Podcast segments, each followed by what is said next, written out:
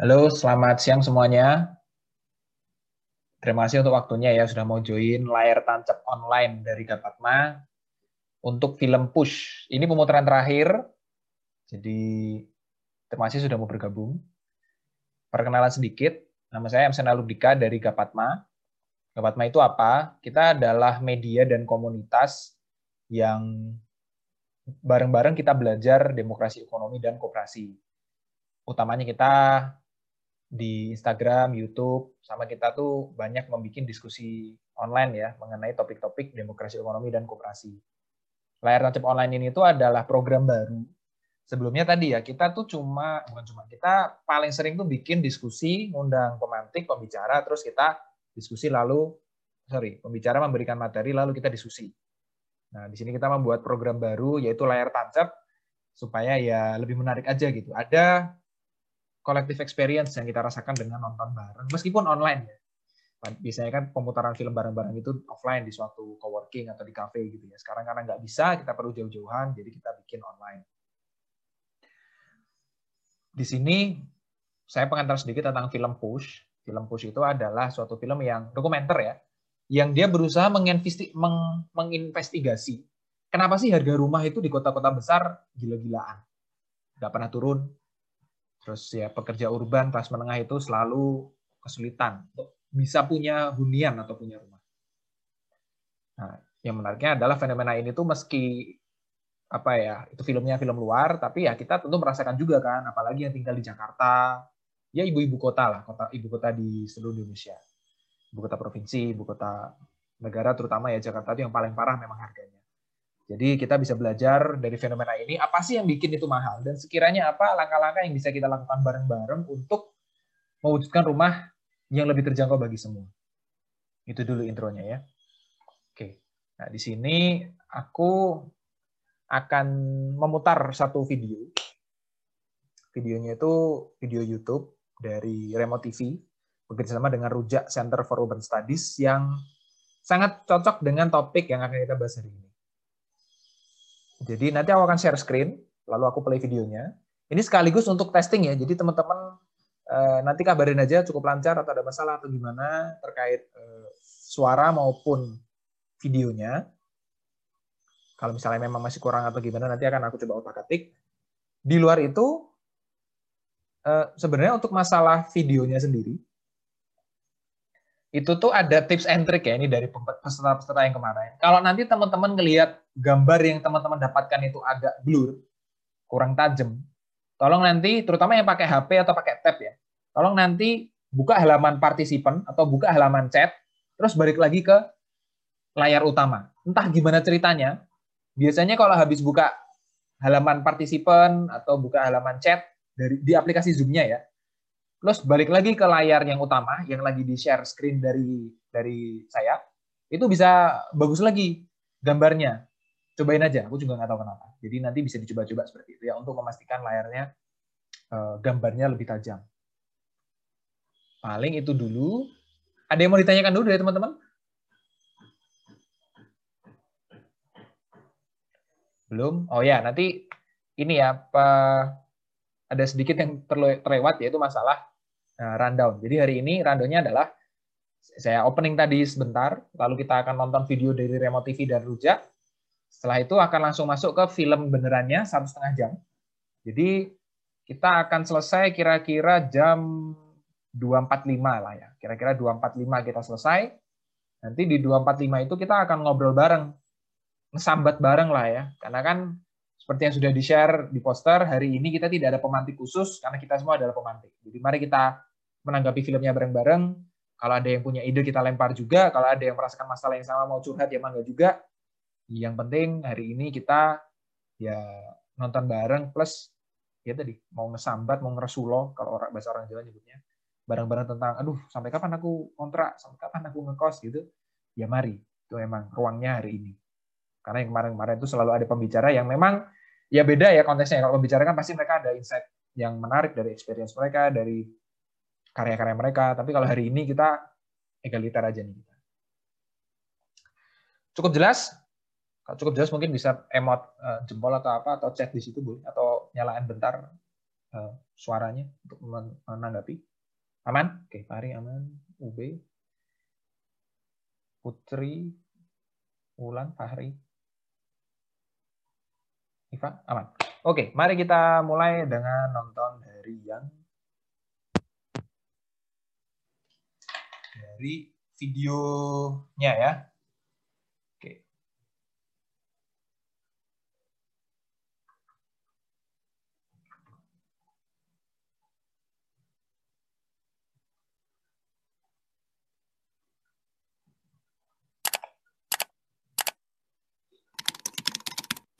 milenial perkotaan terancam tidak mampu beli rumah.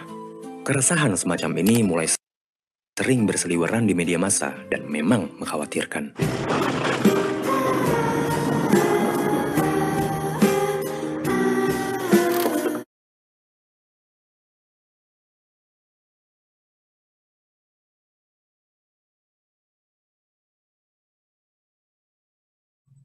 Halo, cukup amankah?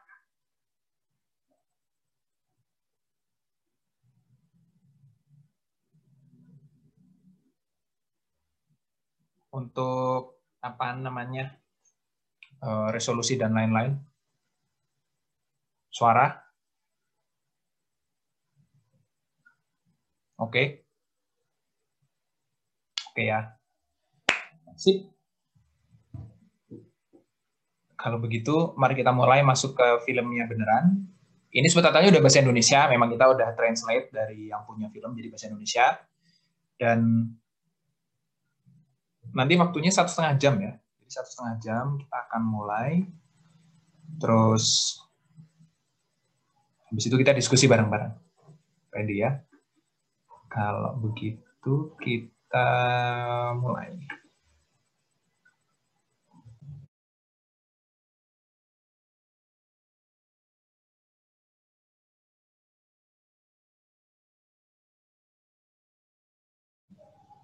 Oke, sudah selesai.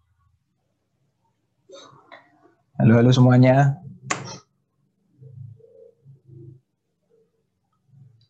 Tes, tes ya, mari kita kembali. Habis ini kita boleh, kalau teman-teman mau nyalain video boleh juga. Atau kalau mau pakai suara aja juga silakan. Ini mangga kalau mau unmute beberapa Tadi memang nggak bisa unmute, aku setting ini sekarang udah bisa unmute lagi. Bagaimana tanggapannya? Jadi habis ini kita langsung diskusi karena tidak ada pemantik yang khusus ya kayak yang sudah diintrokan ya. Kita semua adalah pemantik. Jadi saya sendiri sebagai moderator lebih ke kalau misalnya nanti macet ya nanti saya tambahin topik baru. Kalau misalnya nanti mentok ya kita mau bahas apa lagi. Rencana sampai setengah empat. Monggo yang mau menyampaikan dulu silakan. Uh, komentar, tanggapan, pertanyaan juga boleh. Tapi ya dijawabnya sama kita-kita yang di sini. Nggak ada pihak siapa yang jawab gitu ya. Monggo. Siapa yang mau memulai?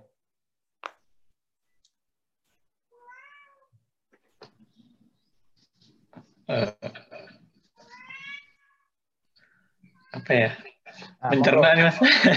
Mencerna. mencerna ya. Banyak tadi ya. Dari yang lain monggo, ayo. Nggak apa kalau kalau bingung ya nanti aku tak lempar topik. Tapi aku pengen dengar tanggapan dari teman-teman dulu. Mumpung ini orangnya nggak banyak, jadi kita bisa saling tektok aja kita. Halo Mbak Bulan, Mbak Tiwi, Ube, Latifa, Putri, Indra, Hanif. Nih komentar deh komentar. Silakan Mbak Bulan. Keren banget filmnya. Oh. sangat ditunggu-tunggu. Soalnya punya pemikiran ini tuh udah lama banget sebetulnya kayak nih housing di kota udah nggak make sense nih nggak make sense banget. Gimana ceritanya gue mau beli beli apa pun dengan gaji seuprit gitu kan? ya gitu deh. Nah penasaran aja kalau gubernur DKI ngapain? Oh. di shift. Siap. Ini sebenarnya ada ada jawabannya sebagian ya dari acara yang pertama. Nanti mungkin bisa kalau ah, ini ada yang join acara pertama juga nggak ya? Nanti kalau nggak nanti aku bisa sharing sedikit lah dari Mbak Elisa tuh sempat sharing Mbak Ulan terutama di Jakarta ya. Itu memang apa ya? Tadi kata Mbak Ulan ya. sesuatu yang sudah ada di pikiran lama gitu. Ini gimana gue bisa punya rumah kalau ya tadi kalau teman-teman lihat kan ada grafik yang dipakai oleh Mbak Leilani tadi ya, yang saya itu Leilani. Yang warna biru tuh terjal sekali itu harga rumah, housing prices. Yang lempeng-lempeng aja, stagnan itu eh, level gaji. Ya gimana? Nggak, nggak ketemu gitu. Terima kasih Mbak Ulan. Yang lain mungkin? Kenapa di negara yang katakanlah maju gitu ya, tadi kan kebanyakan negara-negara barat Wih, saya Bimo. Oke, udah kenal semua sih. uh, kenapa di negara yang kayak Eropa uh, yang maju gitu ya, bukan Eropa Timur. Jadi kita lihat Inggris, terus Italia gitu, beberapa kasus-kasusnya itu malah sama gitu, kayak kasusnya sama kita yang so-called bahasanya negara miskin lah, bukan negara ya. berkembang bahkan. Tapi kayak berarti kan masalahnya global berarti sistemnya tuh emang salah secara global gitu. Dan yang address tuh cuma dikit padahal korbannya banyak kayak korbannya banyak betul. Uh, uh, gitu. Dan korbannya banyak tuh bukan berarti kayak banyak terus konstan gitu. Enggak banyak dan berkembang terus korbannya nambah terus nambah terus nambah terus gitu. Tapi kok ya kayak wow kok nggak ada yang nyadar gitu ya kayak wow Betul. Ada yang mau nambahin lagi? Tadi sebenarnya mas... bukan nggak ada yang nyadar ya Bim. Kayak tadi yang videonya remote TV kan uh, medianya pemberitaannya lebih sided ke developer. Ke developer. Hmm. Ya nggak tahu ya di sini ada nggak sih NGO yang khusus menanganin masalah perumahan gitu-gitu? Kayaknya nggak ada ya. Wah, rujak itu NGO. Arkom. Oh ya, rujak. Arsitek komunitas. Rujak sama Arkom yang kemarin kita undang tuh ada concern ke sana terutama hmm. Arkom sih ya yang lebih spesifik kalau rujak kan urban konteks ya, hmm. nggak cuma perumahan gitu. Tapi memang yeah. jarang ya. Uh, dan benar tadi kayak Mbak Wulan bilang kelihatannya itu bukannya pada nggak sad, sadar, sadar tapi terus gue kudu ngapain? Hmm. Sadar harganya nggak masuk akal terus gue harus ngapain? Banyak mentoknya. Pindah. Pindah ya Bim kayak lu. Pindah.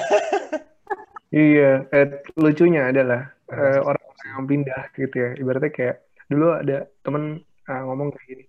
Uh, orang Padang datang ke Jakarta terus kita muter-muter bareng.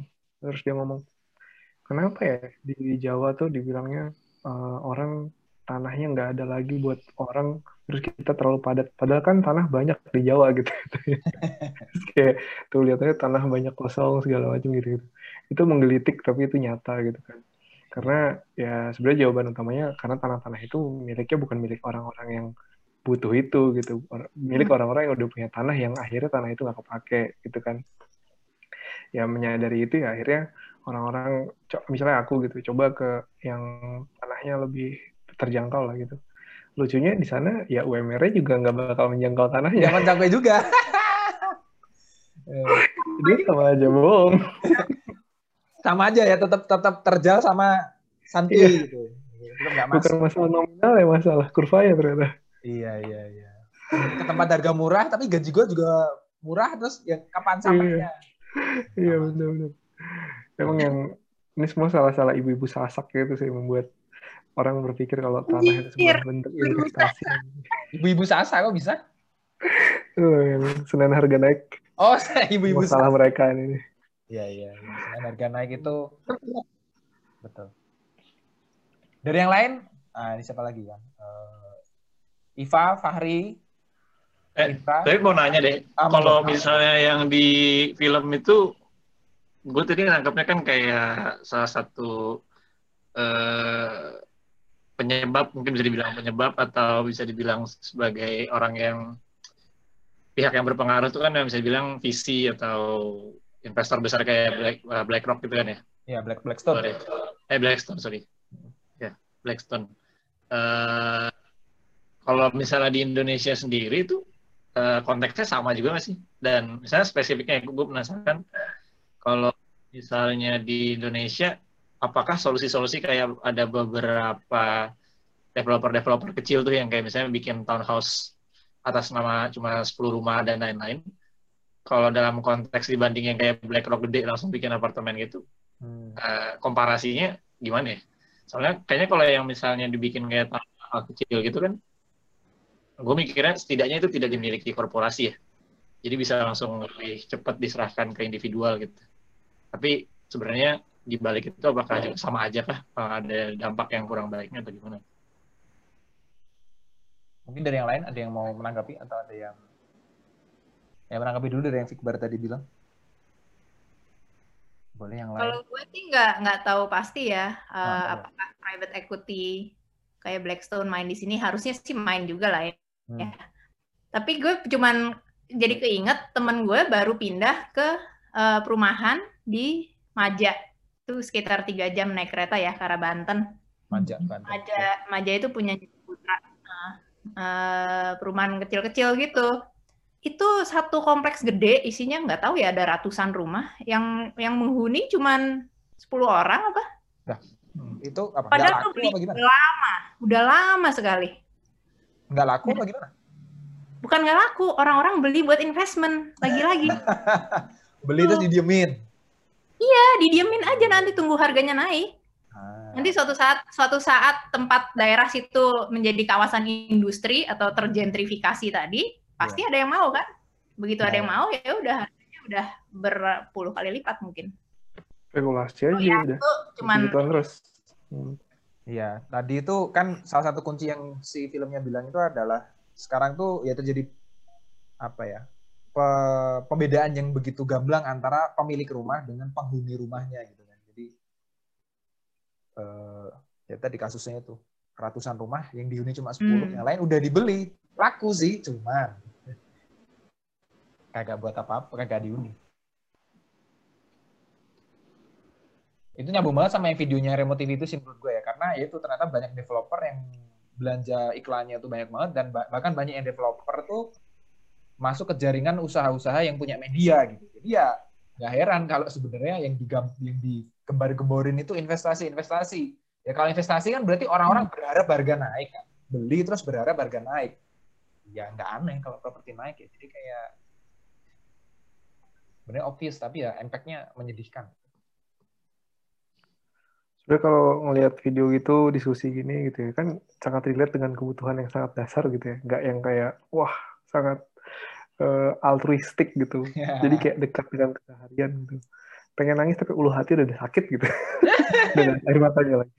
Tapi kalau dari film itu yang aku pelajari bahwa bagaimana se -se segila-gilanya di sana gitu ya. Mereka punya banyak jalur untuk mengupayakan banyak hal juga. Maksudnya ya kayak tadi kita lihat bagaimana dia mengadvokasi terus kayak bagaimana teman-teman si para penghuni itu mengorganisir diri sendiri. Bahkan ada yang bikin lagu gitu kayak sesimbol bikin lagu gitu kayak buat bikin lagu. Uh, tapi ya masyarakatnya mungkin ya dan tentang bagaimana mereka bereaksi tentang suatu kejadian dan kejadian mungkin sama tapi reaksi dan kedewasaan menyikapinya yang beda banget di sini kita menyikapinya dengan cara yang bingung gitu kayak untuk diajak dewasa dan menyikapi bersama tuh sulit gitu uh, padahal itu masalah yang lagi-lagi sama sama mereka. Nah, yang kedua di bagian tentang ya e, contohnya gini, aku kemarin kan kita kan kalau di Jogja akhirnya kita punya solusi, kita bikin co-housing sendiri gitu. E, kita pengen oke okay, ternyata tanahnya bisa kita miliki bareng-bareng. Kalau misalnya pengen aksesnya tanah buat uh, semua orang itu bisa inklusif, ya udah jangan mikirin diri sendiri. Kita mikir model gimana caranya semua orang bisa punya tanah dengan mudah. Ramean, itu ya. salah satu contohnya dengan penguasaan tanah bersama lewat koperasi gitu ramean gitu kayak bikin kaplingan gitu tapi ini bukan buat dijual gitu ya masalahnya lagi-lagi kita nggak punya duit buat beli ya. yang orang nggak punya rumah nggak gimana cara orang nggak punya rumah punya rumah nggak punya duit gitu kan. Uh, kita kerja sama lah kita udah bikin modelnya udah bikin beberapa orang gitu. Kalau ke perbankan mereka nggak setuju sama model rumahnya nggak sesuai sama yang di pasaran ada. Terus kita antar koperasi uh, ini kemarin lucu banget. Ada salah satu koperasi perumahan. Terus kemarin kita ngobrol. Kebetulan ada apa namanya kita ada momen buat ngobrol aku present tentang rencana kita ke depannya bahasannya di situ yang di garis bawahi adalah mas model rumah ini kan rumah yang kita pengen bikin kayak semacam uh, urban forest gitu ya kayak food forest jadi emang benar-benar lahannya lebih besar dari rumahnya gitu. Hmm Nah, yang jadi perhatian mereka, loh, dengan tanah kayak gini, ini nggak akan optimal kalau misalnya bangunannya cuma segini, Mas. Gitu. Hmm. Yang kita cari dari pemilikan tanah adalah bagaimana optimalisasi bangunan di tanah tersebut. Betul. Padahal Oh. ketidakadaan tanah dan kebanyakan bangunan kebanyakan tanah diubah jadi bangunan itu adalah salah satu Banjir. titik kritis ya titik kritis dari kenapa akhirnya sebuah wilayah tidak ingin ditempati lagi sama banyak orang Tidak ingin gitu. ditempati. Itu lagi. lucu. Nah, ini sangat berkontradiksi dengan pernyataan developer-developer yang bukan koperasi dua tahun Ya. lalu. Jadi dua tahun lalu pernah ketemu juga sama asosiasi developer yang bukan koperasi. Gimana tuh? Menurutku mereka pemikirannya lebih advance dari kita yang koperasi menurutku pribadi ya. Karena mereka udah sampai ke titik yang, Mas, kita udah pernah banyak bikin sekali project developer, develop gitu ya, ngedevelop banyak project wilayah-wilayah yang akhirnya gagal karena bukan ada yang bukan nggak ada yang beli mas, tapi karena nggak ada yang menghuni, mereka nggak punya komunitasnya. Hmm. Padahal developer itu pengennya bukan develop satu, mereka pengen bisnis modelnya memang mendevelop semua wilayah kan, di mana itu dipengaruhi sama komunitas di dalamnya. Mm-mm. Contoh contoh nyatanya, kalau di Jakarta kenal Lipo Karawaci. Lipo Karawaci ketika dibangun butuh bertahun-tahun untuk sampai akhirnya loh di sana orang banyak yang beli tapi itu nggak ada yang nempatin kayak Lipo Cikarang gitu. Hmm. Lipo Cikarang hidup gara-gara ada industrinya. Lipo Karawaci itu pi, pi, pi. Jadi orang nggak ada yang mau tinggal di sana juga. Kenapa? Toko nggak ada yang jual. Kalau ada toko buka nggak ada yang beli. Nggak ada yang beli. Nah, itu tuh mereka belajar dari situ, mencoba mulai hmm, bikin gimana kalau kita kumpulin orangnya dulu, baru bikin develop bangunannya gitu. Itu mereka udah sampai ke advance pemikiran tentang, ayo kita kumpulin orang, baru bikin bangunan. Bukan bikin bangunan, kemudian dispekulasikan untuk terjadi, Oh. ya itu tadi, pengembangan wilayah, eh, akhirnya jadi lobby politik, lobby apalah, pembuatan industri baru, dan lain-lain yang ujung-ujungnya malah kayak dead spiral aja gitu. Itu yang ya itu apa ya ya itu seperti yang digambarkan film itu sih kayak wah gila nih ada orang yang berhasil mendokumentasikan ini ah Fenomenanya ya. keren banget ah, fenomenanya Aku tadi baru sadar ya Mas Bimo bilang itu, nyambung sama Mbak Wulan sampaikan ya, bahwa sebenarnya developer itu kalau misalnya rumahnya kejual, terus nggak dihuni, sebenarnya kalau mereka itu pengembang kawasan, mereka rugi juga pada aslinya. Karena kalau orang datang, baru tuh mereka bikin ruko rame, mereka bikin apa rame, kan untung lagi tuh. Tapi kalau rumah nih dijual, dari 100 cuma dibeli 10, toko mereka nggak laku, ruko mereka nggak laku dong. Terus apa? Misalnya mereka bikin apa lagi? Kolam renang kayak atau apa gitu, nggak laku juga. Sedih juga sih pengembangnya ya, benar juga ya. iya Rugi juga. ruko Tadi nggak ada yang nyewa Pengembangnya Dijual nggak ada yang beli Nggak, tapi maksudnya Pengembang dari segi pernah bener pengembang nggak pernah rugi cuma sebenarnya. gue ngebayanginnya mereka juga sebenarnya nggak seuntung itu dan maksudnya mereka harusnya mulai mikir dong jangan cuma mikir ngejual di rumahnya gitu. Tadi tuh Sen, di film itu poin krusialnya adalah Blackstone nggak ngeluarin duit sendiri. Ini kan private equity. Duitnya dari mana? Duitnya Oh. kan dia ngambil dari dana pensiun. Kalau Blackstone iya, tapi kalau di Indo kelihatannya tuh pemainnya tuh memang langsung developernya, iya nggak sih? Ya, enggak, enggak, enggak. Pasti semua main. Apalagi Indonesia, ini lagi hot-hotnya Indonesia, eh, emerging market. Semua private equity banyak banget main di sini. Gue nggak nggak terlalu tahu PE yang bergerak di bidang eh, housing ya gitu. Tapi gue Hmm, tahu PE lain tuh banyak di bidang eh, tech industry kita PE. Semuanya mulai dari PE, banking kita semuanya dari PE. Private equity itu duitnya gede banget. Dia lagi mau berak-berakin duit terus nih sekarang gitu.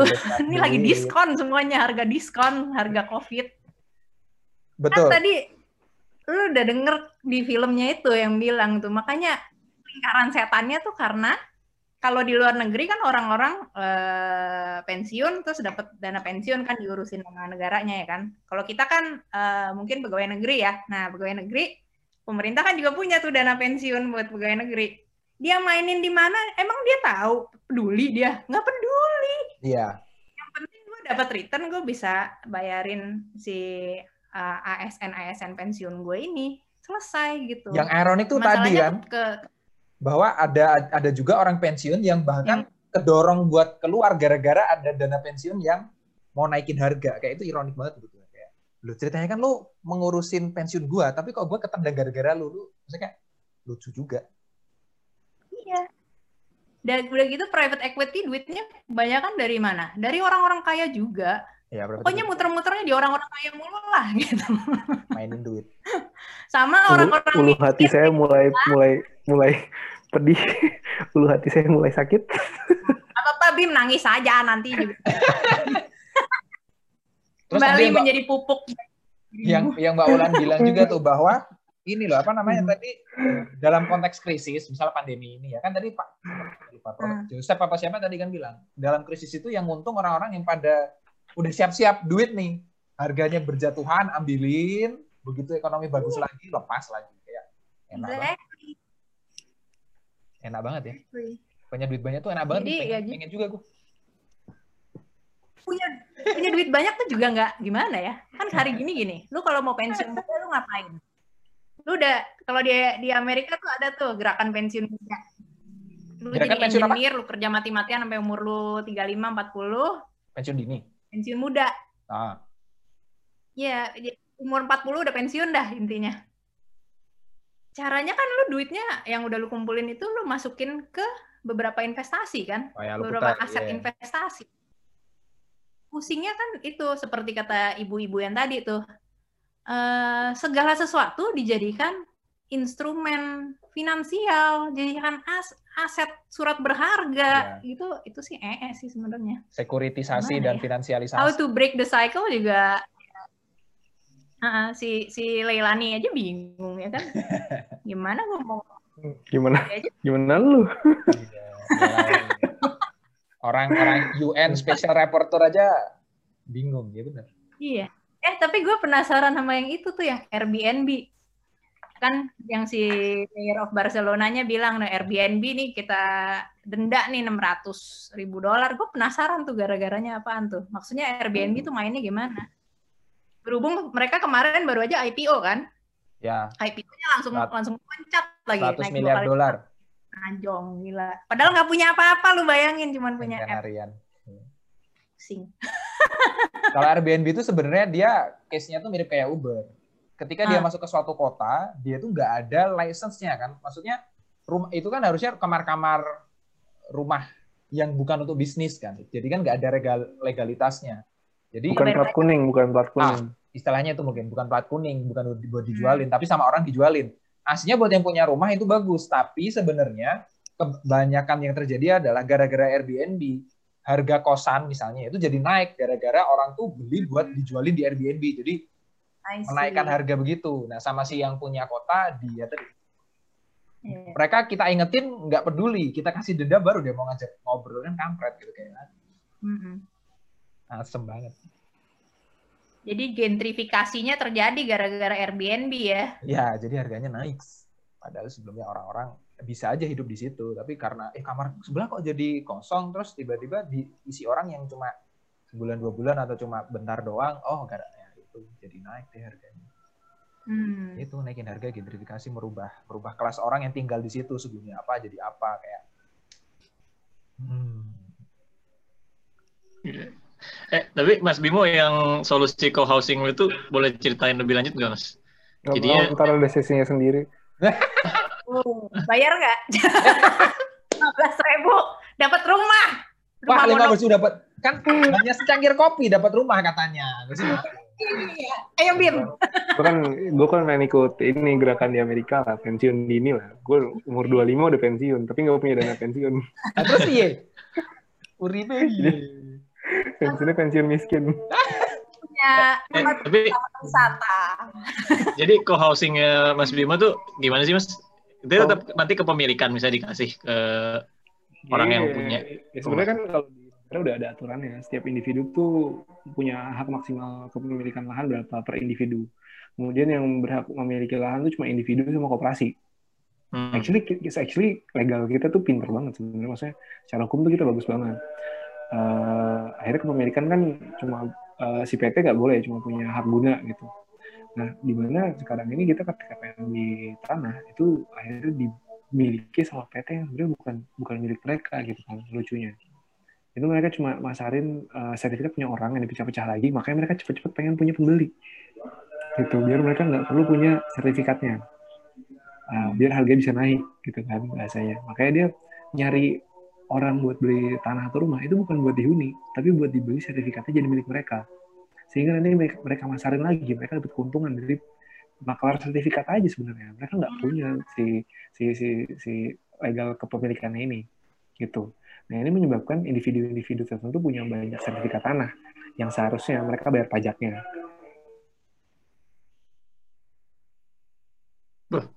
Lah kepotong. Eh, hilang dia. Hilang dia, hilang internet paling. Yo switch dulu ke yang lain. Uh, ini yang lain mohon tanggapannya dong. Ini aku tunjuk dulu ya siapa ya. Uh, Tiwi atau Putri.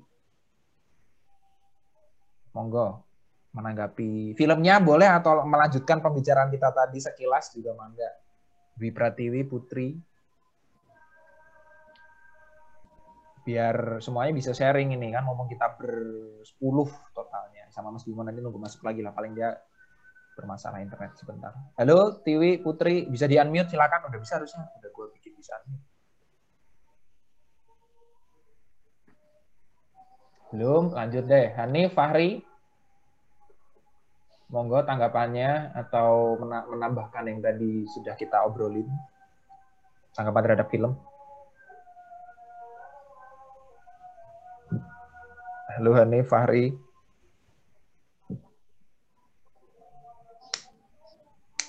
Belum. Oke, lanjut. UB, Indra, silakan. Mas Indra. Atau UB. Ini masih pada aktif kan? Atau ini lupa dimatiin aja zoomnya. Nah, Mas Bimo lagi connecting. Nah, sambil nunggu Mas Bimo connecting, yang lain monggo. Aku di hack Ciputra, teman-teman. Maaf. Kok bisa? Hati-hati. enggak, enggak, enggak. Bentar, Mas Bimo. Uh, ini aku, uh, bentar, aku mau coba uh, ngambil pendapat dari yang lain. Kalau misalnya belum ada lagi, tak belok ke dirimu lanjut lagi ya. Hmm. Tak tawarin. Setuju, setuju. Halo, halo. Tiwi, Putri, Indra, Hanif, Ube, Fahri. Sama nyalain. Kalau nggak bisa nyalain video nggak apa-apa deh. Yang penting nangkepin dulu. Nyalain mic-nya aja. Ini masih di mute semua. Monggo, monggo. Sayang loh, 15 ribu tuh nonton film sama diskusinya. Kalau cuma nonton filmnya doang. Sejujurnya aku kira 15 ribu tuh mahal. Setelah lihat Batagor di Jakarta, ternyata 15 ribu murah. Batagor di Jakarta beda lah itu sama Magelang Jogja Sulu wah yang lain masih belum mau ikutan ya udah kalau gitu lanjut ke Simo silakan tadi kepotong di titik maklar ya jadi ya? sebenarnya ya? si tanahnya daripada orang-orang pasti milik sendiri-sendiri terus nanti harga bisa dimainin ya udah kita kuasain aja bareng-bareng lewat koperasi. Bukan berarti kita nggak milik itu milik kita bareng-bareng lewat koperasi itu. Jadi regulasinya lebih enak terus orang akses tanahnya lebih mudah. Orang nggak mainin tanah yang seenaknya nanti dijual dengan harga ketinggian atau dijadiin gedung sendiri jadiin apa. Kan lucu ya kalau kita kita nggak ada yang ikut aturan lah. Semua individu bisa tiba-tiba punya dagang bakso di perumahan bisa tiba-tiba ada apartemen di sebuah sebuah wilayah kumuh gitu-gitu. Nah, idenya sih adalah uh, mengaksesi tanah itu bareng-bareng operasi kemudian kita punya bangunannya berupa bangunan yang portable jadi orang tuh nanti yang milik bukan milik tanahnya tapi kepemilikan atas di rumahnya itu sendiri. Ini kayak trailer park gitu mungkin ya konsepnya kalau di Amerika. Hmm. Tapi kalau bedanya sama kayak townhouse townhouse kecil gitu gimana mas? Kayak townhouse yang 10 orang doang. Tapi itu kan biasanya yang pengembang-pengembang kecil yang nggak bukan nama PT gede kan. Dia juga hmm. misalnya punya tanah di Depok gitu. Berarti ada kawasan lumayan nih jadi 10 orang gitu jadi townhouse gitu. Bedanya apa sama itu? Kalau di townhouse itu kan konsep perumahannya tetap ya satu tanah dibangun rumah sebanyak-banyaknya nanti lo bisa tinggal di situ. Mm-hmm. So, nanti belum tentu lo cocok sama tetangga lo kan. Maksudnya mereka tuh jualan rumah bukan jualan sebuah komunitas itu. Yeah, yeah. Yang kita pengen targetkan di sini ya itu sebuah komunitas yang membeli tanah itu memang orang-orang yang bisa saling berintegrasi untuk uh, mengembangkan wilayah itu gitu. Jadi jangan lagi ada ya gue ngerti sih bar gue juga sama kayak lu mungkin ya posisi gue orang yang seumur hidup gak pernah ngobrol sama tetangga lah. Itu hal yang aneh buat gue untuk nyapa tetangga terus kayak halo lagi ngapain? Gitu.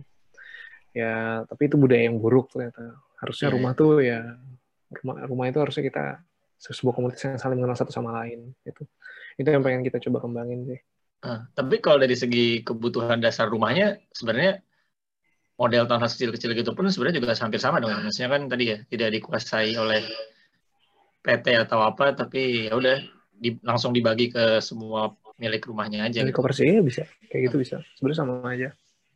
Cuma bedanya ketika lo pindah ya lo harus menjualnya ke orang lain kan. Hmm. Kalau ini ya ketika lo pindah lo bisa bawa rumah ya, tinggal nyari tanah doang. kalau yang di model ini. Ini sebenarnya kalau kalau terkait yang tadi ya ngomongin kecil versus apartemen gede begitu tuh ini ada dari dua diskusi yang kemarin itu ada insight menarik dari Mbak Elisa sama Mas Jasri dari Arkom. Jadi mereka itu mendorong kepada tanahnya itu dimiliki bareng-bareng. Hmm. Kayak tadi kata Mas Bimo. Terus dibangun perumahan yang vertikal. Ini kalau konsepnya yang di kota besar ya. Kenapa dibikin vertikal? Hmm. Begini, karena pas dari informasi kemarin, yang paling mahal itu harga tanah. Yang hmm. paling ngabisin, kalau di kota besar terutama ya. Pengadaan tanahnya yang bikin boros. Nah, ketika pengadaan tanahnya itu boros, ketika kita rame-rame misalnya berdua puluh gitu ya, terus uang kita kepepet gitu, berarti kan luas tanahnya itu kita nggak mungkin terlalu besar. Hmm. Tapi kalau rumah itu dipaksa rumah tapak, itu pasti akan mentok lagi. Nah, jadi solusinya kalau kota-kota besar terutama itu tanahnya misalnya nggak usah lebar-lebar amat secara apa ya, secara luas, tapi kita tarik ke atas gitu. Jadi misalnya empat lantai atau berapa nggak usah yang tinggi-tinggi banget, tapi itu kan artinya nanti harga tanah plus harga eh, rusun yang nanti kita miliki itu nanti harusnya akan lebih murah dibanding kita benar-benar nyari rumah tapak dengan tanah di kota besar. Jadi itu terutama Rujak yang explore itu di beberapa titik di Jakarta. Ada potensinya katanya dia yang dekat dengan transportasi umum terus ya ada yang mau ngejual dan bahkan kalau ngomongin Rujak tuh mereka ada bilang inovasi masalah pengadaan tanah tuh bisa macam-macam. Siapa bilang harus beli misalnya ngobrol sama pemerintah provinsinya kita bikin sewa 99 tahun atau berapa tahun atau ada misalnya ngincer hibah dari pemerintah kota atau provinsinya eh, atau ada kayak itu kayak kesepakatannya itu hak guna bangunan atau gimana lah gitu atau hak guna tanah. Jadi e, mereka bilangnya tuh jangan sempit ke ngomong harus memiliki. Kalau yang kamu target adalah punya hunian, kepemilikan terhadap tanah itu tuh kelihatannya bukan sesuatu yang perlu kamu pikirkan harus punya tanah gitu loh maksudnya. Jadi variasi cara kita bisa memanfaatkan space tanah itu menjadi hunian itu tuh macam-macam. Karena realitanya mungkin di awal kita yang rumah susun dulu, terus kapan-kapan kita mau pindah lagi kok nyari rumah tapak tapi yang di pelosok. Itu kan ada. Ini cerita dari pemateri Mas Andrian Eka, dia dari Perumnas. Dia bilang kalau di Singapura itu tuh kan bahkan pemerintahnya tuh udah mikirin semacam karir path. Ya, jalur karir kamu memiliki rumah gitu. Jadi awalnya adalah flat yang untuk bujangan, terus nanti kamu punya keluarga, flat flatnya agak gede lagi, flat tuh kayak apartemen gitu ya, lebih gede lagi, terus nanti lebih gede lagi sambil nabung kamu nanti cari tanah terus kamu baru bisa bikin rumah. Kayak ada karir progressionnya gitu. Untuk kamu sebagai orang homeowner gitu pemilik rumah. Jadi uh, mungkin nanti teman-teman yang penasaran bisa nanti kalau video yang sama Mbak Elisa itu udah up di YouTube-nya Gapatma bisa dicek kalau yang video sama Mas Ar Mas Sri dari Arkom itu masih belum diupload ya nanti kita kabarin lagi. Tapi intinya tuh aku pas kemarin dari dua materi kayak karena saya sebagai moderator ngikutin dua-duanya itu juga bahwa ada bisa. Tapi memang kesulitannya adalah ya informasinya tidak merata ya. Orang-orang tahunya Senin harga naik ya gimana tahunya ya begitu-begitu aja. Karena majority menganggapnya beli rumah ya investasi jangka panjang. Nah betul Mas Indra. Biasanya begitu mikirnya. Hmm. Apalagi kalau yang udah punya regulasi itu dari pemerintah harusnya ya untuk bikin itu nggak jadi kayak jual yeah. kacang goreng lah gitu. Ya. I, ceritanya harusnya iya. Coba. Singapura kan majorit bukan aku atau berapa ini tapi pemerintah tuh punya gitu. Jadi perumnasnya si Singapura ya benar-benar di manage sama pemerintah. Hmm. Apartemen-apartemennya. Kita kelihatannya perlu kita kan, Perumnas sudah belum ya? Kemarin tuh nggak cerita. Ya kita Perumnas tuh cuma cuma perusahaan untuk bangun rumah aja gitu, nggak nggak manage oh, kompleksnya. Ya. Bukan berperan sebagai developer bisnis modelnya, tapi sebagai konstruksi doang ya. Berarti. Iya, bangun rumah selesai gitu, jual. Nah itu uh, ya Perumnas itu kan pioneer bisa dibilang.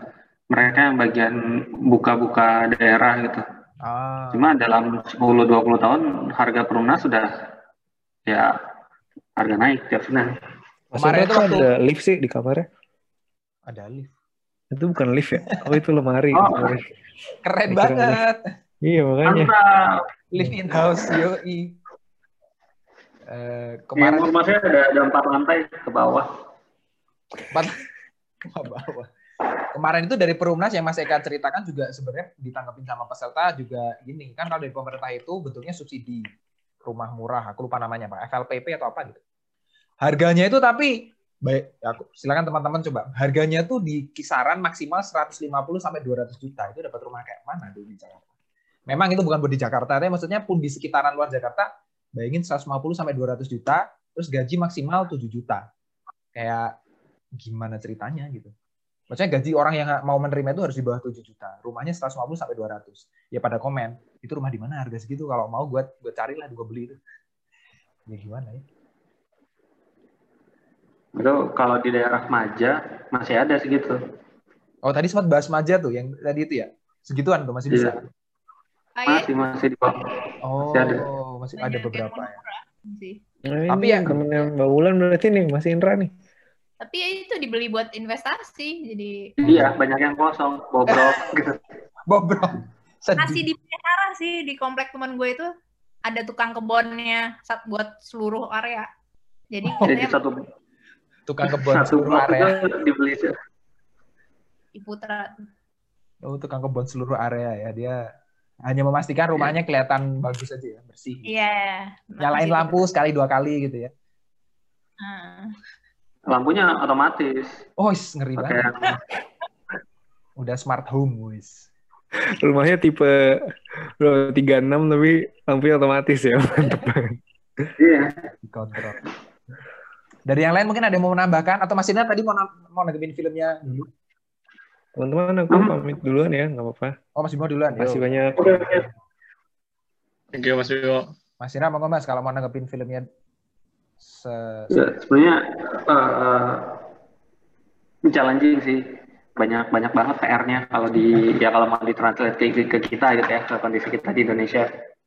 Challenge-nya banyak. Kemudian ya walaupun sudah ada beberapa yang berani memulai eh, berinovasi seperti itu ya eh, itu bukan hal yang kecil dan agak sulit juga untuk dibuat masif. Karena eh, ya keterbatasan tanah. Tapi ini salah satu yang menarik itu di di BBC itu mereka pernah bikin kalau uh, our future itu adalah multi generation housing. gimana tuh? Jadi eh, di dalam sebuah co-op housing yang satu satu flat gitu isinya eh, ada sekian lantai, empat atau lima lantai, kemudian per lantai itu ada beberapa family. Di tiap family itu itu beberapa generasi. Jadi eh, kakeknya, anaknya, cucunya itu ada di situ semua. Oh, satu rumah gitu ya, satu Satu satu flat, satu kosan lah, eh, satu satu apartemen lah. satu apartemen. Cuma apartemennya kayak apartemennya kayak kayak di TV-TV gitu, jadi lengkap. Ada beberapa kamar. Itu itu BBC eh, nganggapnya our future itu kemungkinan akan seperti itu. Itu di UK. UK. Kalau di Indonesia eh, eh, mungkin masih agak lama. Kemudian eh, kita juga akan expect multi generation loan. Berat. Wah. Iya. Aduh. Jadi eh, kakeknya minjem nih, cucunya masih bayar utangnya gitu. Sedih amat. Eh, jadi mudah-mudahan World Economic Forum benar-benar meriset semua hutang-hutang ya. Ya harusnya tuh di riset tuh semua tuh di nolin aja udah gitu. Nih, kalau ngomongin tadi private equity, Salim Group tuh dapat duitnya dari North Star TPG. Notstar. Oh iya. Jadi private equity mah main-main juga, banyak pasti. Udah cemplung Terus kayak ya. Salim Group kalau nggak salah juga termasuk developer yang paling di, disebelin sama ini deh, tenan apartemen mereka. Masalahnya sekarang kan para grup developer itu dapat duitnya dari eh, nge-manage apartemen. Ya. Enak-enak jidatnya gitu kan. Makanya ada beberapa apartemen yang yang yang terus eh, melakukan perlawanan kan. Oh Dan mereka- iya, kayak asosiasi pemiliknya itu gelut sama apa namanya perusahaan pengelolanya gitu. Mm-mm. Memang sebaiknya sih ya dikelola oleh pemiliknya sendiri lah ya. Ya, ya. Karena si manajemen itu dapat profit gede banget loh. Sebetulnya. Ya, itu itu yang yang dicari karena uh, untuk sustainability bisnis dari si developer ya hmm. mereka nyarinya dari situ. Ya, tiap bulan ada terus gitu ya. biaya apa sih namanya? Maintenance gitu ya. Maintenance. Iya, biaya maintenance. Ya, listriknya harganya beda, airnya beda. Oh. Maintenance bisa apartemen kecil enam enam ratus ribu, tujuh ratus ribu sebulan, ya. lumayan. Dikali sekian ya bagus ya itu. Parkirnya 200, 300. Oh iya iya, aduh parkir juga. Banyak lah yang bisa diduitin lah itu mah. Makanya Maintenance, parkir, listrik, laundry, laundry jarang sih. Real estate. Listrik air. Hmm, makanya orang-orang mainnya gas. Gitu. Penasaran ini. Tapi ya itu sebenarnya kalau kalau kalau yang gue pahami juga dengan beberapa kemarin kemarin diskusinya sama nonton itu ya memang problemnya di titik ya kalau kita ngomongin hunian atau rumah itu sebagai komoditas ya resikonya begini kan. Maksudnya itu diperjualbelikan dengan mudah. Tapi padahal masih banyak orang yang belum punya padahal kalau kalau katanya remote TV kan waktu gue juga sebis video remote TV yang tadi itu sempat ngecek tuh undang-undang apa yang dia maksud. Itu undang-undang HAM ternyata. Ada pasal tadi berapa? Gue lupa pasal berapa itu tentang hak untuk intinya perumahan yang layak gitu loh makanya si Leilani kan juga ngomongnya itu hak housing is a right gitu kan human rights. Indonesia udah meratifikasi itu tahun 99 tapi implementasinya nggak jelas. Halo mas. Yuk halo mas Anif. Izin mau gabung boleh silakan diskusi saya belum salah kenal saya juga baru kawin kayak gabung-gabung diskusi begini masuklah terus juga tadi saya nontonnya nggak nggak nggak dari awal dari udah satu jam baru gabung gitu. oh iya jadi Gak apa-apa. Tenang aja Kang Hanif. Tapi... Nanti kita minggu depan akan share link filmnya buat ditonton sendiri. Oh iya, makasih Mas. Ya, main mau, mau nggak mau mau mau cerita dikit tadi yang soal soal hak untuk beli rumah itu bukan undang-undang HAM tapi undang-undang dasar itu. Oh di di pasal mana tuh? Aku malah belum. Pasal 28H. 28H. 28H ya? 28H kalau nggak salah.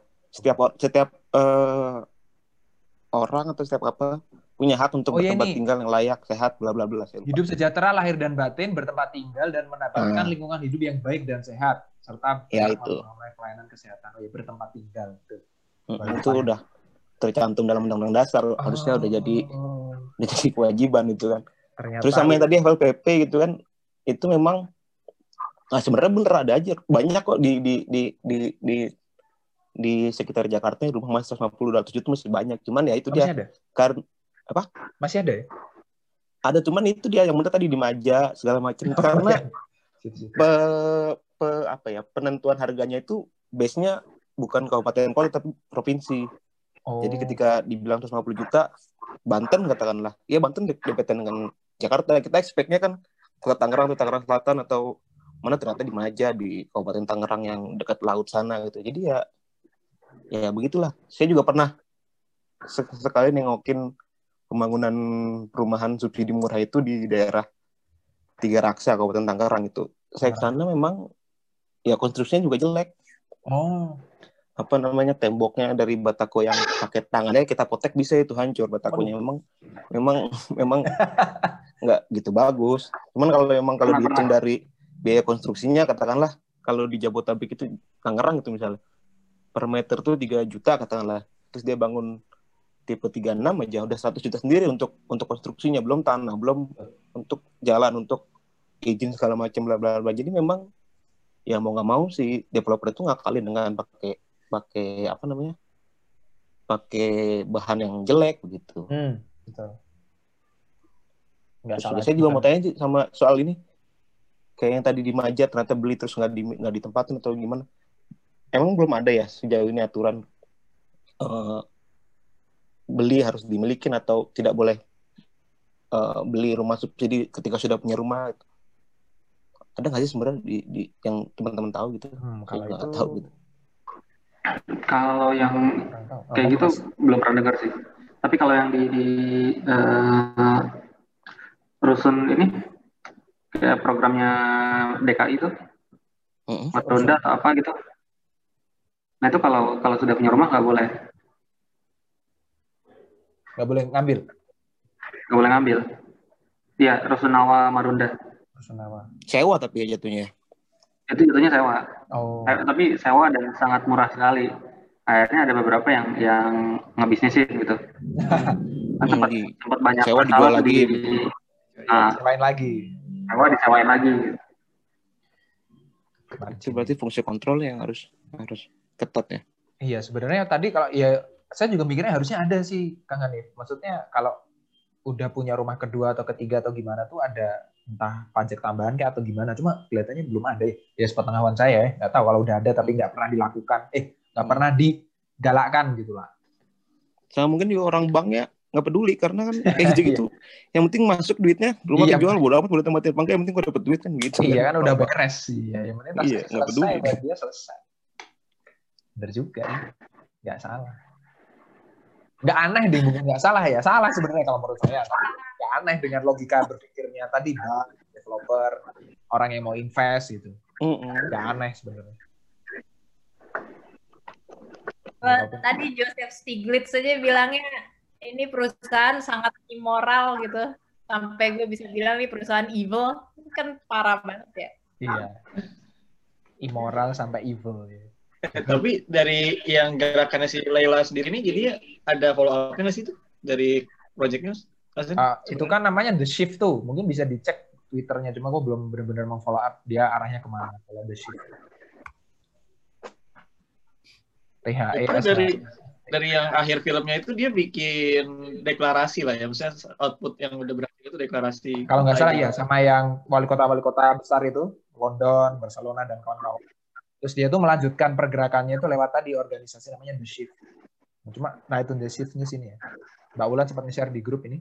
Tapi gue kurang paham sebenarnya udah sampai mana dia gitu. Karena film ini juga masih baru sih setahunan, enam bulanan baru muter si Lailani. Cuma kalau buat gue pribadi, gue yang menyayangkan tadi ya kalau gue pribadi Lailani tadi tidak mengangkat solusi yang kita perlu mikir bareng-bareng dia lebih ke push ke pemerintah. Kan dia pola pikirnya state yang punya kewajiban. Pemerintah yang punya kewajiban. Nah, kalau pemerintahnya tidak merasa itu kewajibannya dia kan ya enak-enak aja. Maksudnya ya sudah lepas aja.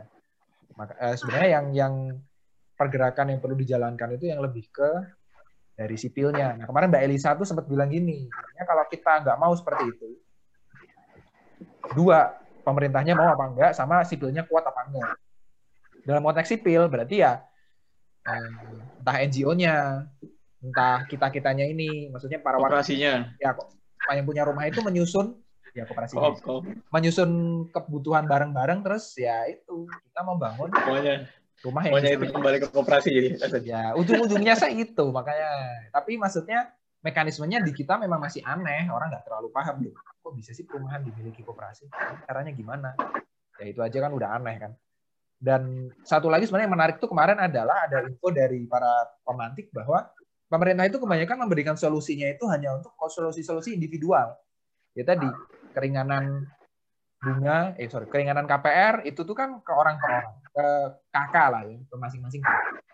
Terus masalah apa ya rusun atau gimana itu kan kebanyakan mereka ya interaksinya satu persatu kan dengan kakak atau dengan individu. Untuk solusi-solusi yang kolektif itu malah belum ada ruangnya dan masih banyak diskresi.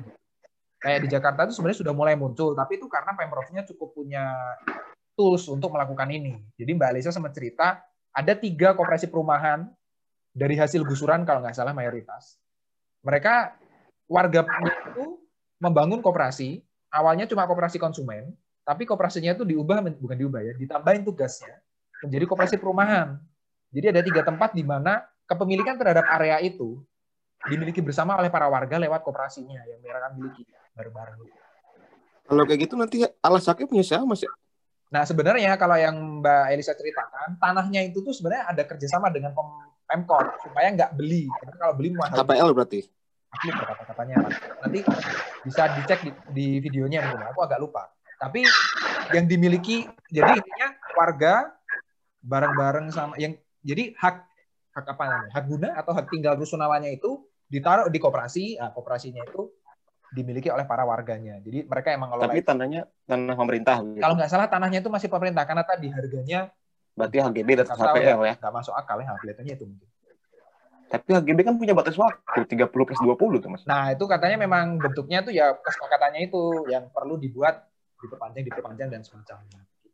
Hmm. Kalau nggak salah ya nanti aku perlu ngecek lagi. Mungkin Mas Andi nanti bisa cek eh, videonya yang kita sama Mbak Elisa dicari-cari. Soalnya eh, itu agak agak rentan juga sih mas. Maksudnya eh, dari sisi pemerintah ya mungkin untuk contoh pemerintah sekarang bisa mendukung. Ya. Kita dikasih lahan, kita dikasih ada agak status entah HPL atau HGB. Nah nantinya ketika pemerintahan udah ganti, ada kemungkinan juga kalau ya karena itu adalah ta- tanahnya tanah pemerintah, ada haknya pemerintah di situ, bisa jadi semua yang berdiri di atasnya digusur. Bisa jadi. Karena eh, banyak kejadian seperti itu di Indonesia gitu dan itu ditakutkan.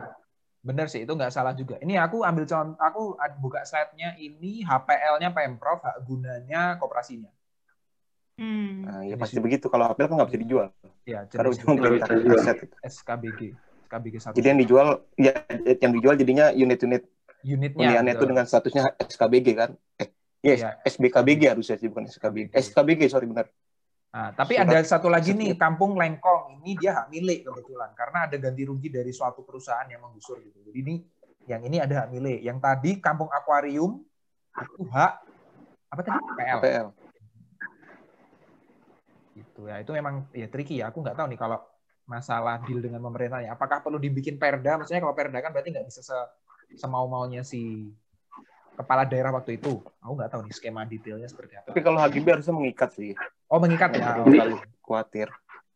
Sebenarnya eh, ini nih ada kasus juga di daerahku. Jadi eh, ada orang kaya, orang-orang jadul kaya banget itu eh, dia menghibah, menghibahkan, eh, mewakafkan, Oh, mewakafkan sekitar 10 40 hektar.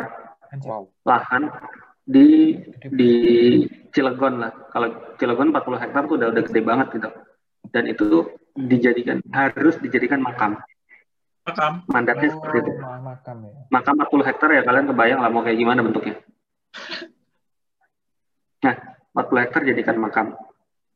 Kemudian eh, ya karena keluarganya itu udah udah lama, udah udah seni tua banget, akhirnya dikelola oleh yayasan. Nah, kondisi sekarang eh, ya greedy-nya orang-orang di lokal di daerah adalah karena yayasannya itu jadi jadi bisnis gitu. Jadi setiap yang dimakamkan di, diminta uang macam-macam sekali makam itu bisa dua setengah juta sampai tiga juta. Nah itu pemakamannya. Kemudian akhirnya dari pemerintah daerah itu mencoba eh, mengambil alih, coba mengambil alih di demo sama warga. Sebenarnya eh, kalian kebayang nggak kalau di di manage sama pemerintah bisa lebih teratur kan harusnya. Kemudian aku sampai sekarang masih nggak kebayang kenapa ada tuntutan warga yang tidak mau pemerintah memanage uh, kuburan tersebut. Duit. Yang memang kuburannya 40, 40 hektar. Dibagi-bagi kali ya. Itu. Dasar pemerintah mengelola apa, Pak? Mas? Pemerintah mengelola karena ada tadi ada ada ada berantem antara yayasan. Jadi ada yayasan yang mengklaim ini hak saya untuk uh, manage si kuburan ini. Terus ada daerah yayasan lain yang yang sama serupa juga. What? akhirnya kuburan itu dibagi empat blok ya itu jadi berantem gitu Nah. Iya, pemerintah sebagai mediator boleh, tapi kalau ngelola ya nggak bisa loh tanahnya punya yayasan-yayasan itu kan. iya itu eh, pemerintah kemarin tuh punya ininya ya masuk ke sini pemerintah mau tukar guling Oh. sebagian lahannya dengan dijadikan apartemen. Oh, untuk hunian. itu itu itu salah satu alasan pemerintah kenapa mau eh, take over juga sih. Maksudnya bantu mengelola itu. Nah, ketika ada ada berita seperti itu kalau mau dijadiin apartemen berarti kan akan ada project besar nih. That's why eh, makin banyak yang awalnya tuh cuma dua yayasan aja yang berantem.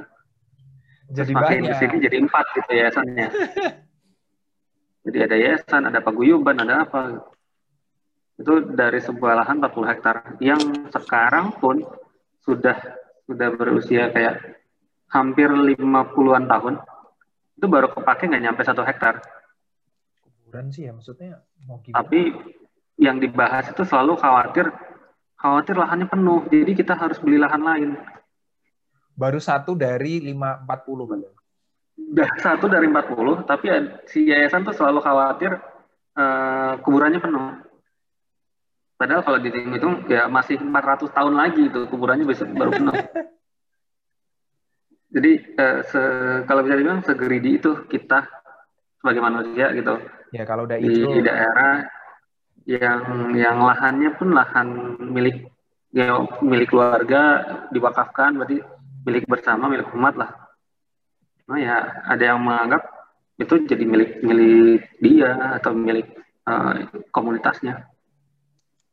Hebat memang. Manusia tuh kalau udah greedy tuh hebat emang kayak bisa kayak oh bisa gitu ya, maksudnya nafsunya segitunya gitu. ya. Hebat. Kasihan wakitnya itu. Kalau udah diwakafkan kan berarti kan tanggung jawabnya di Lah yang kena bener wakit ya. juga. Itu? Iya, urusannya bukan dunia lagi tuh, akhirat udah. Iya, akhirnya juga kena ini bagaimana dong? Aduh, runyam. Ya tapi ya itu, itu beneran beneran real. uh, soalnya uh, almarhum ibuku dimakamnya di situ kan. Ah, Itu yang dari sini minta, dari sini minta, ada yang di, pas meninggal nih kita lagi sedih-sedihnya di rumah gitu kan. Ada yang Pak ini proposal untuk pemakaman besarnya segini disuruh bayar. Terus datang lagi besarnya segini disuruh bayar. Jadi kita bingung kan. kok Udah sedih lagi kehilangan. pada nagihin Kok semua. banyak banget nih Oh, bisa-bisanya. tagihan-tagihan. Tagihan. Hebat emang manusia. itu jangankan mikirin rumah untuk yang hidup ya, ini rumah untuk yang mati. Yang mati, iya, iya, iya. Hebat memang manusia tuh kalau kalau tapi kalau misalnya ditarik ke tadi ya, masalahnya dibawa ke tanah ya, bukan cuma hunian ya.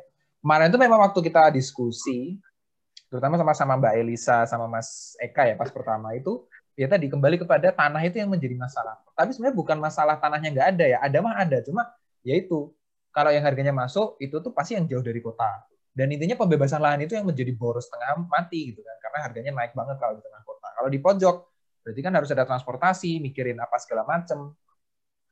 Agraria sih harusnya kata dia tuh, maksudnya agra revo bukan revolusi ya, Reformasi agro, eh, reforma Reformasi. agraria. Reforma agrarianya yang memang harus dikuatkan karena tanah itu yang bikin mahal. Kalau masalah bangunnya tuh bisa diatur lah kata dia. Masih masih kelat, masih ketahuan gitu loh mak bangun itu kan ya harga harga tenaga kerja, harga semen, harga pasir itu masih kelihatan. Begitu ngomong harga tanah itu kan udah deket sama ini, deket sama itu. Maksudnya deket sama RS, deket sama jalan, deket sama apa itu kan beda banget. Beda 100 meter udah beda harga tanah kayak itu hal yang tricky sekali jadinya. Jadi ngomongin rumah itu bukan cuma ya itu bukan bukan fokusnya malah di tanahnya yang justru perlu direformasi gitu. Ya, tadi termasuk itu kan tanah 40 hektar. Juga. Harusnya ada hukum nggak sih yang yang menetapkan bahwa harga tanah tuh nggak boleh naik sampai menggila. Kayak tadi yang di Berlin kan naiknya sampai 70% tuh di area itu. ada nggak? Tidak ada. Ada batas minimal paling kan NJOP itu. yang jauh. Nggak ada yang ngikutin. Batas minimal Iya, ya batas- betul tuh. Batas minimal. batas, NJOP. batas minimal nggak ada. Batas minimal nggak ada. Ada. Ya. Ada ajaib.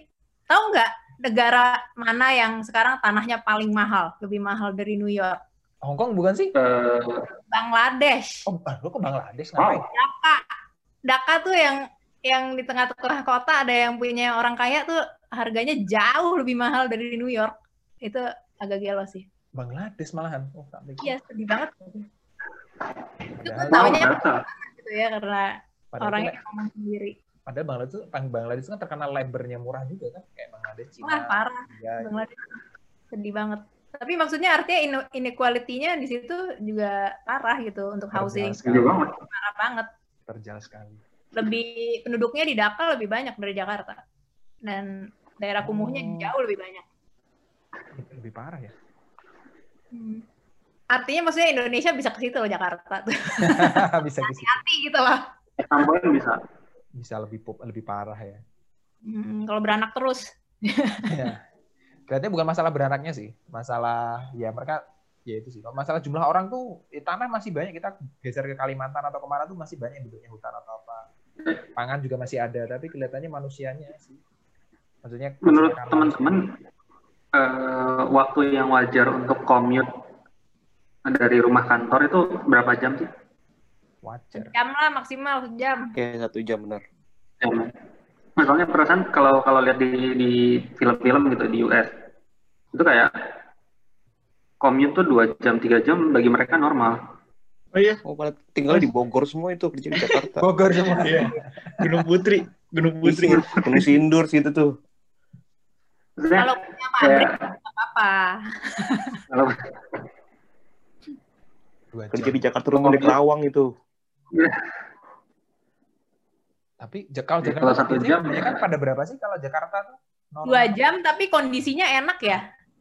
Dulu waktu kalau dulu aku kuliah di Belanda, aku commute kerjaan dua jam nggak apa-apa, tapi keretanya enak gitu, nggak kayak kaleng sarden gitu kan. Oh, kaleng sarden. Kalau dua jam kayak kaleng sarden ya mati juga lama-lama. Iya, betul. Naik Jakarta. ke Jakarta Bekasi jam 5 aja. Waduh. Ya Allah.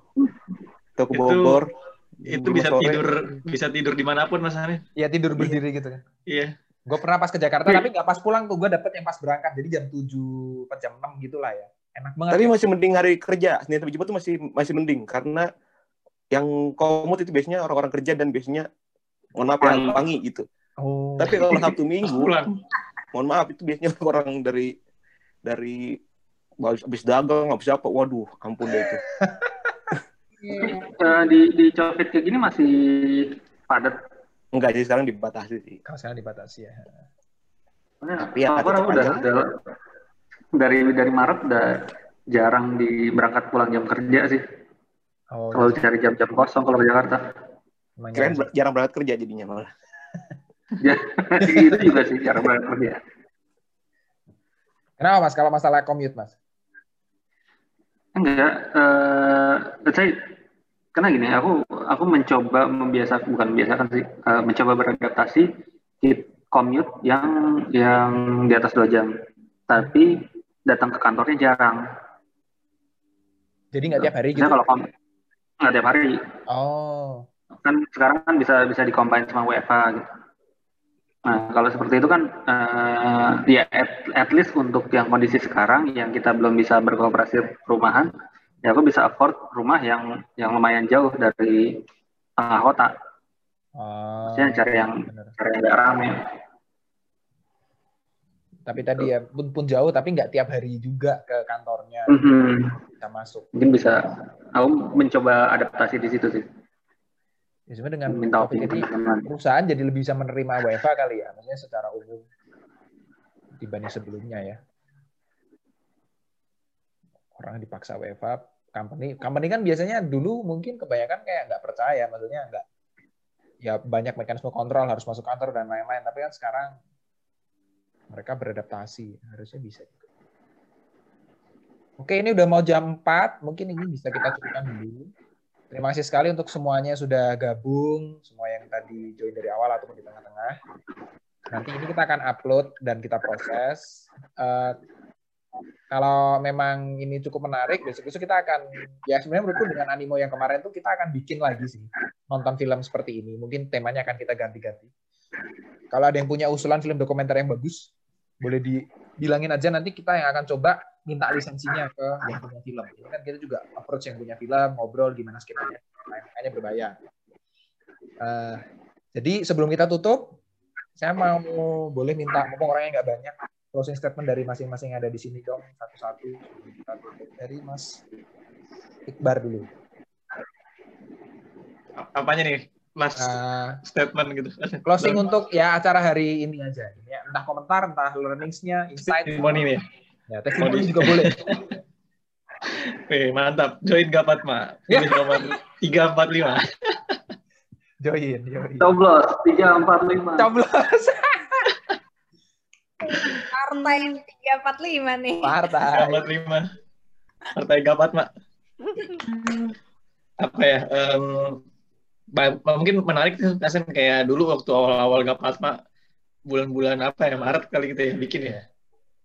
Kalau tanpa ada film yang jadi medium bersatunya, kayaknya kemarin kurang nendang gitu ya. Cuman kayaknya kalau lagi ada film gitu jadi bagus. Jadi keren banget nih, Kasen. Yo. Kabat mah jadi ada layar tancapnya lah ya. Ya, layar tancap. Layar tancap. Dia bisa narik orang bisa lebih ramai lagi ya dan tujuannya tadi kan akhirnya ngajak orang berpikirnya bisa lebih mudah lah ya. Mudah-mudahan ya jadi bisa lebih banyak lagi orang yang tergelitik lah ya. Ya, perlu Dan bersama-sama perlahan nanti deh bikinnya nyata. Nice. Ter- Terima kasih, Fik. Lanjut ke Mbak Ulan. Mau Mbak? Thank you, Gapatma. Udah bikin acara yang keren dan bermanfaat. Ya mudah-mudahan ada gerakan-gerakan kayak koperasi perumahan baru ya.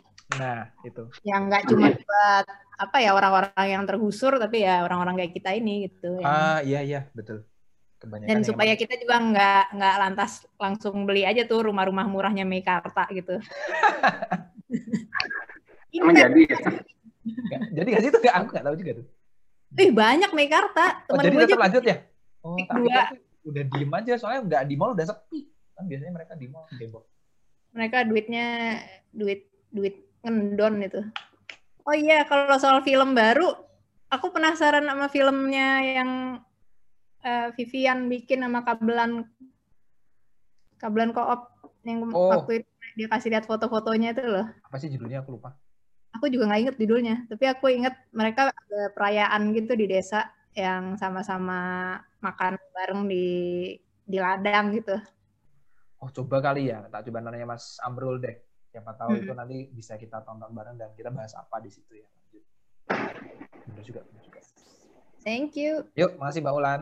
Lanjut Mas Indra. Monggo Mas. Oke, Oke. Eh, ya benar tadi setuju. Semoga eh, kita kita semakin semakin terpantik, semakin berpikir. Kita juga bisa ya enak sih kalau kita bisa ngobrol sama pemerintah gitu.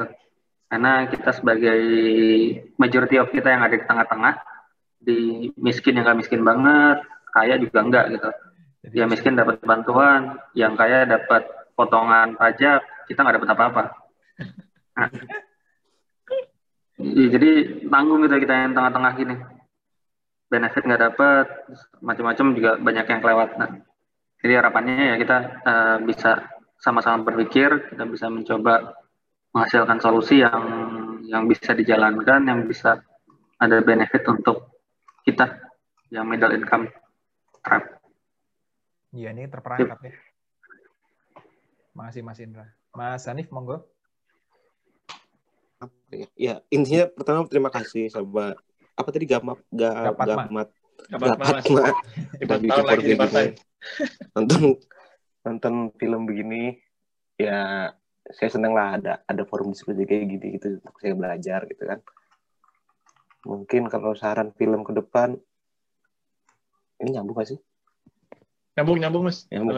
Kalau kalau kayaknya watchdog-nya dan di Laksono itu juga ada soal rumah susun deh saya lupa Dok. tapi udah beberapa beberapa beberapa bulan atau beberapa tahun yang lalu tuh filmnya ada sih di situ Hmm. cuman ya senang aja lah pokoknya kalau ada isu-isu ini kalau bisa sustain bisa terus berlanjut bakal seru makasih udah Fatma Siap. Makasih Mas Hanif. Kalau terkait Watchdog tuh kita ada plan sebenarnya yang terkait Watchdog, tapi belum yang perumahan. Nanti insya Allah ya, nanti moga-moga lancar Januari. Eh, terkait tapi bank sama koperasi kredit. Nah, nanti tunggu tanggal mainnya. oh, siap Satu lagi siapa? Mbak Dewi Pratiwi, monggo Mbak. Pernyataan penutup.